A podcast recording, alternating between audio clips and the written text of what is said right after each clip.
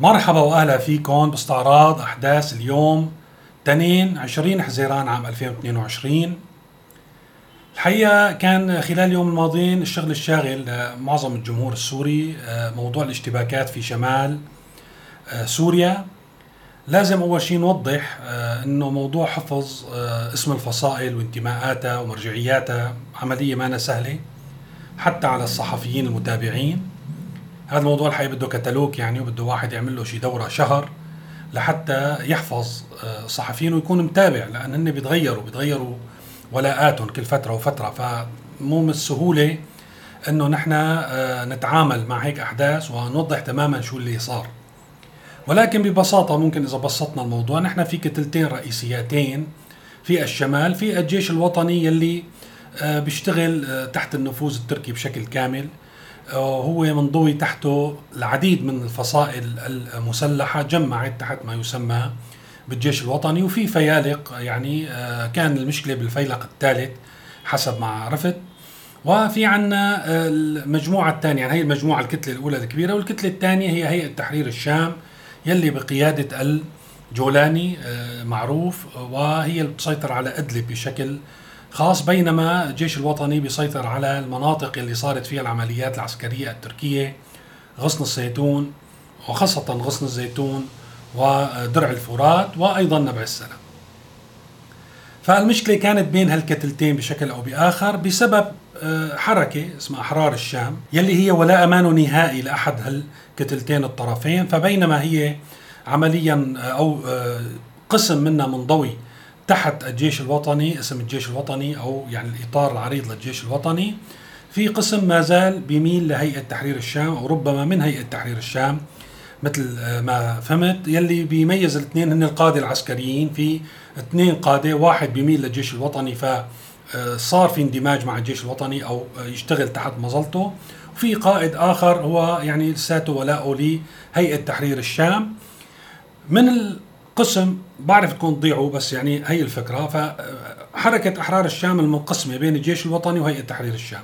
الجزء يلي تحت أمرت أو تحت إطار عم يشتغل تحت إطار الجيش الوطني. في قسم منه يلي هو بالفيلق الثالث انشق ورجع بده يكون جزء من هيئة تحرير الشام. هلا لهون يعني في مشكلة بس ما كانت كبيرة إنه هالجزء يعني نحن خلينا ناخذها بهالإطار. جزء من الجيش الوطني بده ينشق ويرجع يعلن ولاءه أو ينسق مع هيئه تحرير الشام. صار في خلاف على المقرات لأن المقرات اللي تحت آه، يعني نفوذ أو سيطرة هالجزء هذه عمليا اسميا كانت للجيش الوطني. فإذا انشق وراح لهيئة تحرير الشام فهالمقرات بدها تروح من الجيش الوطني إلى هيئة تحرير الشام. وهذا اللي سوى المشكلة الأساسية وصار في لجنة اسمها لجنة الإصلاح وحكمت بأنه آه، هالمقرات لازم ترجع للجيش الوطني بشكل عام معظمها. لما حاول الجيش الوطني يطبق القرار صار في اشتباكات وتحركت هيئة تحرير الشام آه، وحركه أحرار الشام يلي مواليه إلى جزء الموالي إلى باتجاه أراضي أو مناطق سيطرة الجيش الوطني.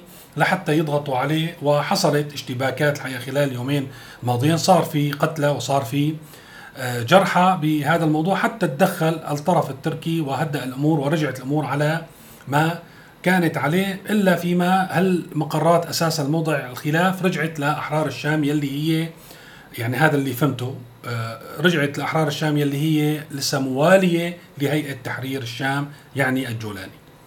ممكن كثير منكم ضاعوا ولكن الحقيقة هي هي القصة بشكل أو بآخر. هي خناقة بين فصيلين ينتموا إلى هالكتلتين الكبار آه، على مناطق نفوذ باختصار. ويعني آه، بالنهاية انحل الخلاف بالتدخل التركي وعمليا الحقيقة النفوذ التركي بكلا الكتلتين هو كبير. يعني ما فينا نقول إنه هيئة تحرير الشام هي مستقلة. أيضا هي تعمل بالتنسيق مع تركيا والجيش الوطني يعني فينا نعتبره الحقيقة جيش تابع كليا آه، لتركيا ما عدا العناصر والقيادات يعني ولكن في مرجعيته وتسليحه تدريبه آه، وقوته هو تابع للإسناد التركي يعني هذا الموضوع واقع. فشو آه، دلالات هالشيء اللي صار؟ هل في دلالات ممكن نقرأها يعني من هالحادث اللي صار؟ الحقيقة أول استنتاج ما فينا نتسرع فيه ولكن فينا نعتبر اللي صار عملية تحريك من السكون لأن مرة ثانية وهذا الموضوع إذا لاحظتوا أجى فورا بعد اجتماع أستنا مسار أستنا ونحن بنعرف ومن خلال خبرتنا ومتابعتنا أنه تغيير مناطق النفوذ ويعني القص واللصق اللي بيصير بيجي بعد هي الاجتماعات.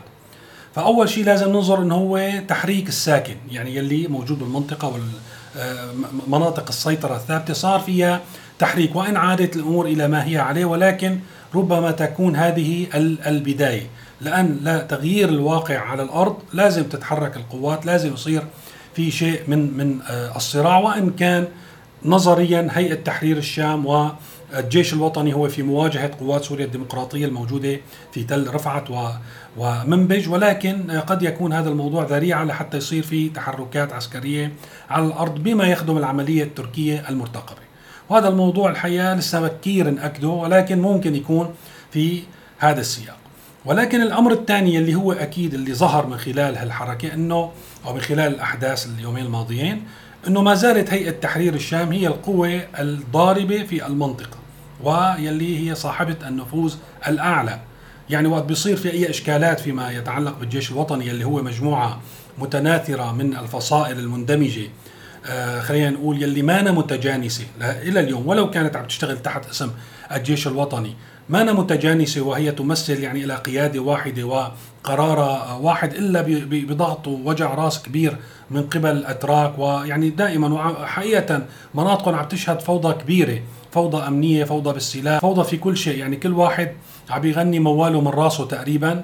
آه، فإلا وقت يصير في عمليات آه، يعني تركية آه، أو في اتجاه العملية التركية ممكن ينتظموا بهذا الاتجاه لأن بتوقع أساس وجودهم هو التحالف مع تركيا كفصائل وكقيادات.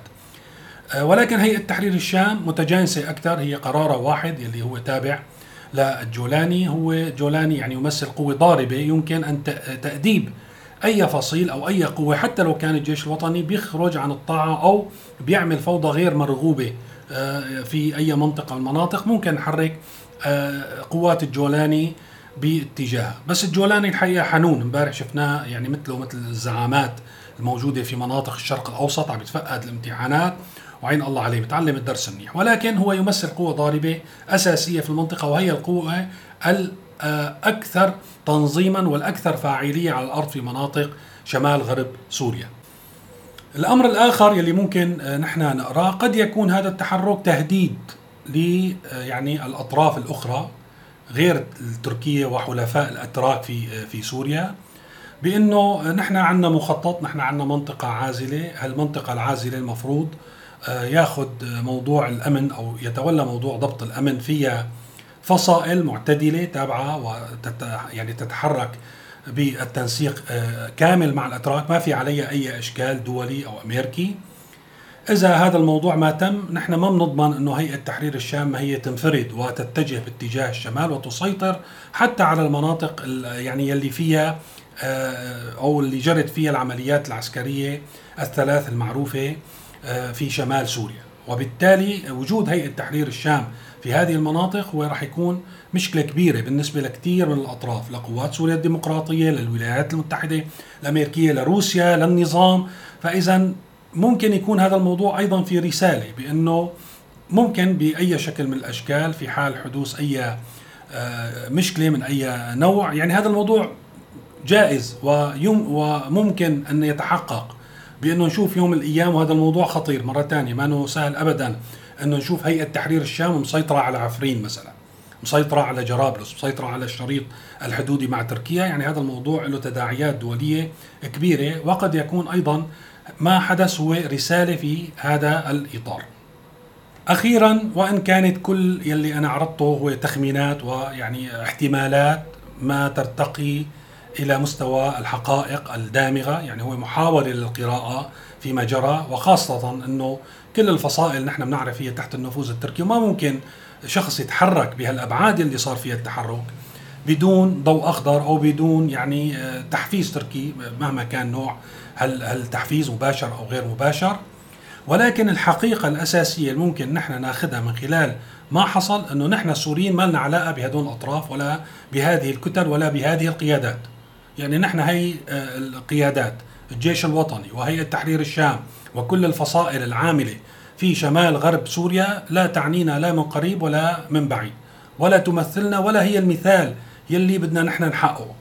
يعني هذا المثال يشبه كثيرا وربما أسوأ من آه، جيش آه، النظام الممارسات تبعه الحقيقة يعني مخجلة التفكك الموجود بيعطي بيعطي يعني الحقيقة مثال سيء جدا.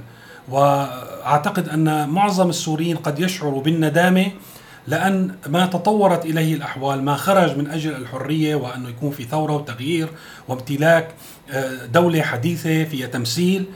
أجوا عليهم آه، عواض ما يكون في سلطة واحدة بنعرف على الأقل آه، وين هوامشنا. صار في 100 راس و100 زعيم و100 قائد كلهم مقدسين. وواقع الحال في مناطق شمال شرق سوريا يعني الحقيقة بيأسي وبيعطي مثال سيء للغاية عن مستقبل سوريا ما بعد نظام الأسد، لذلك أنا بقول إنه مو هذا اللي نحن بيمثلنا ولا هذا اللي بدنا إياه، ودائما هيك تحركات وهيك اشتباكات لازم نحن ناخذها آه، إذا بدنا نستفيد منها ايجابيا مع إنه هي سلبية بكل الأحوال إنه نحن نتبرى من هذه الحركات ونقول بصوت عالي كل السوريين بأي مكان ممكن يلي داخل مناطق سيطرته ما يحسنوا يحكوا لأن هن مقموعين مثلهم مثل مناطق النظام إنه هذه الحركات لا تمثلنا ولا تمثل طموحنا ولا تمثل المستقبل الذي نريده لسوريا. نهاية آه، بهذا الموضوع بدي أرجع أقول كل مخاوف الدول من تركيا إلى الولايات المتحدة الأمريكية إلى كل الدول اللي مخاوف إذا أنتم بدكم تخلصوا من هذا الواقع والله الحل بسيط. ونحن عم ندور يعني بقربة يعني أو عم ندور بدائرة مفرغة وننفخ بقربة مقطوعة. وهذا بتوقع هو نوع من العمد. إذا أنتم بدكم تنهوا المخاوف أو التهديدات تجاه تركيا إذا نحن بدنا نتخلص من الفصائل المتشددة تحت أي مسميات إذا نتخلص من فوضى السلاح إذا بدنا نتخلص من تهديدات قوات سوريا الديمقراطية ساعدونا إذا كانوا هذه الدول صادقة يجب أن تساعدنا في إيجاد حل سياسي نهائي مدعوم طبعا. يعني هو راح يكون إجباري بالنهاية راح يكون في شق عسكري ولكن انه ننتقل من النظام القديم إلى نظام آه، جديد إلى هيئة حكم انتقالية جديدة تعمل على توحيد الأراضي المفتتة اليوم تحت اسم الدولة السورية إنه يكون في عندنا خطوات جدية ببناء دولة سورية حقيقية، هي الدولة هي بتتبنى تبديد كل المخاوف داخليا وخارجيا، وهذا هو الحل الأمثل وكل الحلول البقية هي يعني نوع أنا برأيي من النفاق والخداع على الشعب السوري. اليوم تسربت أخبار عن موضوع إنه روسيا بدها تقدم مشروع لمجلس الأمن يدين الضربات الإسرائيلية على مطار دمشق الدولي. قد يبدو هذا الموضوع يعني في دعم للنظام السوري آه، وقد يكون كذلك ولكن بدنا نشوف شو سقف هذا التحرك. يعني أو نسمي هذا التحرك هو سقف الدعم الروسي للنظام أو محاباة النظام أو يعني تطيب خاطره إذا بدنا نحكي بالعامية. وأساسا إذا يعني شوي بنقرأ بتفاصيل المشروع هو لم يأتي آه، هذا المشروع أنه ك احتجاج على آه، خرق السيادة السورية أو ضرب أهداف عسكرية تابعة للنظام وإنما جاء من منطلق أنه يهدد الحركة الجوية الدولية. يعني سوريا والنظام ما له علاقة. وهذا الموضوع هو سقف ما يمكن أن آه، يعني تتخذه روسيا في مواجهة إسرائيل واستهدافاتها المتكررة آه، في في سوريا وهي رح لا راح تقدم ولا راح تأخر، لأن روسيا بنعرف مثل ما هن بيستخدموا الفيتو رح يجوا الدول يعني الأخرى رح تستخدم الفيتو. يمكن يوافقوا هن والصين. وباقي الدول رح تستخدم الفيتو ما رح توافق على مشروع القرار في حال تقدم أساسا إلى آه، مجلس الأمن. وهيك بيكونوا إنه هن طيبوا خاطرهم لنظام الأسد ودعموهم يعني بالحبيبه والعيني. ولكن على أرض الواقع ما راح يأثر. آه، لو كان روسيا بدها تدعم ويعني فعلا تمنع الضربات كان سلوكها غير هذا السلوك أنا أعتقد إنها هي غير قادرة يعني تحط حالها بمشكلة كبيرة لأن مرة ثانية رح تعقد الحرب اللي عم تخوضها ضد القوى الكبرى في الغرب وغيره ولكن يعني هذا أكثر ما يمكن مرة ثانية أن تفعله من أجل النظام السوري وهو بلا نتيجة على الإطلاق. في مقابل هذا الدعم طبعا السوريين وخاصة في مناطق النظام والنظام علقوا حالهم بمعضلة الحقيقة ما لها حل. يعني هذه المعضلة ستأتي بمناطق التي يسيطر عليها النظام إلى النهاية. الموضوع ما ضل بيتعلق ببشار الأسد موضوع صار بيتعلق ببوتين. يعني هي هي الحقيقة. اليوم وأخبار متكررة نحن كنا الحقيقة وأنا بالقناة ولكثير من الحسابات لأن أنا حريص انه المؤيدين دائما يشوفوا القناة. وأنا ما هدفي شخصي ولا سياسي. هدفي إنه أنا أحكي بمصلحة كل الشعب السوري. كنت أتجنب قدر الإمكان إنه التطرق للرئيس بشار الأسد ولكن الحقيقة في الصحافة في التحركات في التصريحات الدبلوماسية في الاجتماعات مثل ما شفنا الكونغرس مقال الإيكونوميست من من كام يوم آه، البيانات الحقوقية دائما عم تربط آه، يعني صارت آه، تبحث وراء بشار الأسد وتربطه في بوتين. كان في بيان للشبكة السورية لحقوق الإنسان يلي اختاروا أنه يحصوا عدد الضحايا منذ العام 2011 إلى اليوم القتلى يلي قتلهم النظام. أنا بتوقع هذا الإحصاء وهذا البيان يلي عم يقول أنه توفى تقريبا 228 مدني آه، قتلوا على في منهم قتلوا على أيدي النظام السوري. ولكن شوفوا شلون حشروا أو يعني دحشوا آه، فقرة آه، تتعلق بالقوات الروسية وبالتالي ببوتين. انه استخدام القوات الروسية المتورطة في مساندة نظام مرتكب جرائم ضد الإنسانية والتي قتلت لوحدها كذا وكذا. لاحظين؟ يعني هذا الحكي إذا بتراجعوا قبل الغزو الروسي لأوكرانيا ما كان ما كان بهالطريقة أبدا. ولا كان في ذكر لروسيا بهذه الطريقة ولا كان آه، يعني حدا له مصلحة حقيقة فإنه يذكر إنه روسيا هي داعمة لمرتكب جرائم وهي ترتكب جرائم حرب وجرائم ضد الإنسانية في سوريا، نحن ما عم نحكي بأوكرانيا. وبالتالي فإن يعني هذا الموضوع القضاء على أي أمل لكل المناطق اليوم آه، تعيش تحت حكم نظام الأسد بأي تحسن في الوضع المعيشي عم نحكي. في الوضع المعيشي راح يضل في حصار راح يضل في تضييق على بشار الأسد. مرة ثانية هذه الورقة الرابحة بيد الغرب لاستهداف بوتين ولكن مين رايح بالإجرين مرة ثانية رايح بالإجرين السوريين المساكين. تصريحات نقلت عن آه، أو على لسان آه، إلهام أحمد يلي هي رئيسة مجلس سوريا الديمقراطية حول موضوع دمج قوات سوريا الديمقراطية بالجيش الوطني عادة هذا الموضوع في سياق ودمج هذا عملية مطروحة ولكن دائما يتم آه، تناوله في الصحافة بطريقة توحي بأنه خلاص ان استسلموا راح يندمجوا ويعني جراء مخاوفهم من العملية التركية. الحقيقة الموضوع مو هيك وهذا الكلام ما جديد ودائما قوات سوريا الديمقراطية تقول بهذا الموضوع يعني بمعنى إنه نحن إذا يعني بنتجه إلى الحل السياسي مرة ثانية، الحل السياسي إنهاء النظام السياسي الحالي القائم والانتقال إلى نظام جديد، هيئة حكم انتقالية، وبالتالي في هذه الحالة آه، قوات سوريا الديمقراطية ما عندها مانع تندمج مع الجيش السوري ولكن على شاكلة ما يعني الحشد الشعبي في العراق. بمعنى الحشد الشعبي اللي كان هو ميليشيات آه، منفصلة وعادة التجربة في العراق ورجينا إنه هذه عملية الاندماج هذه لا آه، حقيقه بتضل في استقلالية لهذه الميليشيات وقرارها مرتبط بجهات خارجية من الصعب أن يعني تكون تحت قيادة الجيش الوطني للبلد نفسه، الموضوع فيه إشكاليات كبيرة ولكن حتى هذا الاقتراح لسه كثير نحن بعاد عن تنفيذه، يعني حتى لو تم دمج الميليشيات كميليشيات يعني هون هذا الموضوع بيختلف عن حل الميليشيات وإنه خلص لا. دمج الميليشيات والجيش يعني إنه هو الميليشيات تضل موجودة وبقياداتها وبمرجعياتها الحقيقة واليوم نحن موضوع المرجعيات شفنا انتخابات لرئاسة حزب الاتحاد الديمقراطي اللي هو الجناح السياسي لقوات سوريا. الديمقراطية واللي فاز فيه صالح مسلم معروف وآسيا. عبد الله ولكن إذا بتلاحظوا الصورة اللي وراء عبد الله اوجلان وهو مرتبط. يعني دائما نحن بنيجي بدهم يانا نقول للأتراك إنه يا أخي قوات سوريا الديمقراطية وحزب الاتحاد الديمقراطي ما له علاقة بحزب العمال الكردستاني.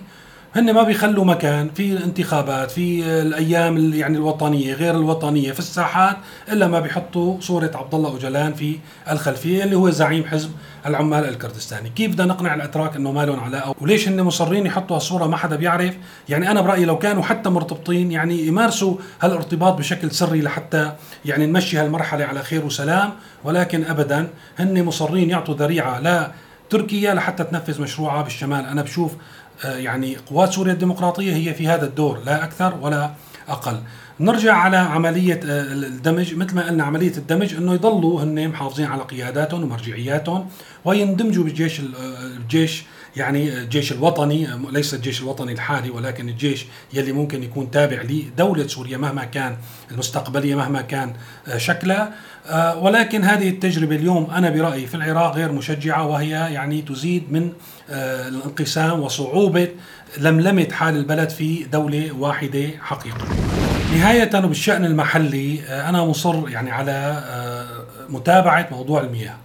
حاسس بخطر كبير على السكان داخل سوريا وإن كان هذا الموضوع يبدو ممل للبعض متابعي النشرة ولكن الحقيقة هو موضوع مهم وراح يكون موضوع خطير للغاية إذا ما صار في حلول إسعافية ما راح أقول جذرية، جذرية مرة ثانية، حلول جذرية بدون ما نربطها بالحل السياسي ما في، خاصه بمناطق النظام. حلول إسعافية لموضوع المياه يلي يوم عن يوم عم تزيد المعاناة لساتنا يعني بأول الصيفية. رصدنا اليوم ثلاث أخبار آه، خبر هو آه، آه، طبعا وقت نقول هلأ عادة هون وقت نقول إنه في ثلاث أخبار حول المياه مع أنهم بيطالوا مناطق واسعة ولكن ليس بالضرورة فقط الثلاث مناطق تعاني لأن هي الصحافة اللي رصدته ممكن يكونوا في عشرات المناطق تعاني من انقطاع المياه ومشاكل المياه في سوريا. الخبر الأول هو يعني يتعلق في أحد قرى الساحل بشلامة بريف القرداحة يلي ما عم توصل المياه للمنازل من فترة طويلة وما حسنوا يوصلوا المياه موجودة المياه ولكن مرة ثانية الكهرباء لها علاقة كبيرة بموضوع انقطاع المياه في سوريا. نحن صحيح عندنا نقص بالمياه ولكن المياه بشكل أو بآخر ما زالت كافية. ولكن عدم وجود الكهرباء هو اللي عم يعمل مشكلة عموما في موضوع ضخ المياه إلى المنازل. امبارح حكينا بالتفصيل. على هذا الموضوع فهن شو عملوا؟ جابوا مولدة كهربائية متنقلة لحسنوا يضخوا المياه إلى المنازل. هلا جابوها اليوم إمتى بيرجعوا؟ بيجيبوها متنقلة معناتها رح يرجعوا يسحبوها. معناتها هي القرية أو المنطقة رح تضل تحت وطئه العطش. إمتى بيرجعوا؟ بيجيبوا المولدة لأن المولده المفروض مثل ما حكينا تتنقل. إمتى بيرجع؟ آه، دورهم ما حدا بيعرف. الموضوع الثاني أيضا المادة الثانية في هذا الإطار. يلي من صحيفة الوطن حال مياه الشرب بريف طرطوس سيئة بل سيئة جدا والكهرباء ليست المسؤول الوحيد. يعني لاحظوا هون بالتفاصيل يعانون قلة المياه والعطش حيث لا تصل المياه إليهم إلا مرة واحدة وبضع ساعات من 8 إلى 30 يوما ما يجعلهم في وضع سيء جدا غير قادرين على تحمله في ظل الحاجة الماسة للمياه وارتفاع قيمة المياه التي تباع بالصهاريج من القطاع الخاص. وأنا يا خوفي طبعا هي موضوع الصهاريج مثل كل السوق السوداء تكون تابعة لحلقات بالنهاية تتصل بالنظام ورأس النظام بده يصيروا يتاجروا حتى بالماء لهالناس يعني والله الحقيقة هذا أمر يعني خطير وأمر مؤسف وأمر غير إنساني أنه حتى بالمياه نحن بدنا نتاجر. أنا ماني مصدق لأن في كثير من يعني خلينا نقول منازل المسؤولين والقطاعات العسكرية وغير العسكرية والأمنية موفره إلى الكهرباء ونعرف في الخطوط الذهبية. ما ماني الحقيقة آه، آه، كثير مصدق إنه هن ما بيحسنوا يأمنوا كهرباء آه، وينسقوا الموضوع لتوصل المياه لو ساعتين لكل منطقة من المناطق. في شيء من العمد يعني في شيء من العمد بهذا الموضوع وفي رائحة الحقيقة يعني رائحة فساد في هذا الموضوع ورائحة ابتزاز للسكان. آه، ما بعرف هالناس من تجيب مصاري حق الكهرباء وحق المي وحق وهن راتبهم 100000 ليره سوري الموضوع الثالث آه، أيضا آه، حول الموضوع اعطال شبكة مياه والصرف الصحي في عش الورور بدمشق وهي منطقة كثير يعني فقيرة وشعبية. وهي المنطقة هون المشكلة فيها مزدوجة. إذا انقطعت المياه بيعطشوا إذا أجت المياه بيغرقوا بالصرف الصحي لأن كل التمديدات يعني فايتة ببعضها. عم بتلوث مياه الشرب وعم بتطوف الشوارع وقت تيجي المياه بالصرف الصحي والسياقات وهي أيضا مشكلة حكينا فيها أكثر من مرة إنه يعني سوريا مرة ثانية وثالثه ورابعة. أيضا هذا الموضوع خطير. بالإضافة لتلويث مياه الشرب أيضا ما معقول نحن نقعد ننتظر ونشوف كيف إنه مناطق وأحياء بأكملها عم تغرق بالسياقات بسوريا. فإذا هذا الموضوع بسلط الضوء عليه لأن أنا برأيي خطير جدا وراح يكون يعني عنوان المرحلة القادمة. إن شاء الله يعني آه، هيك قلبهم آه، للمستلمين والنافذين والمتربحين من أزمات السوريين بحن قلبهم وبيخففوا المشكلة على السوريين بهالصيف. حرام. شكرا لمتابعتكم وإلى اللقاء.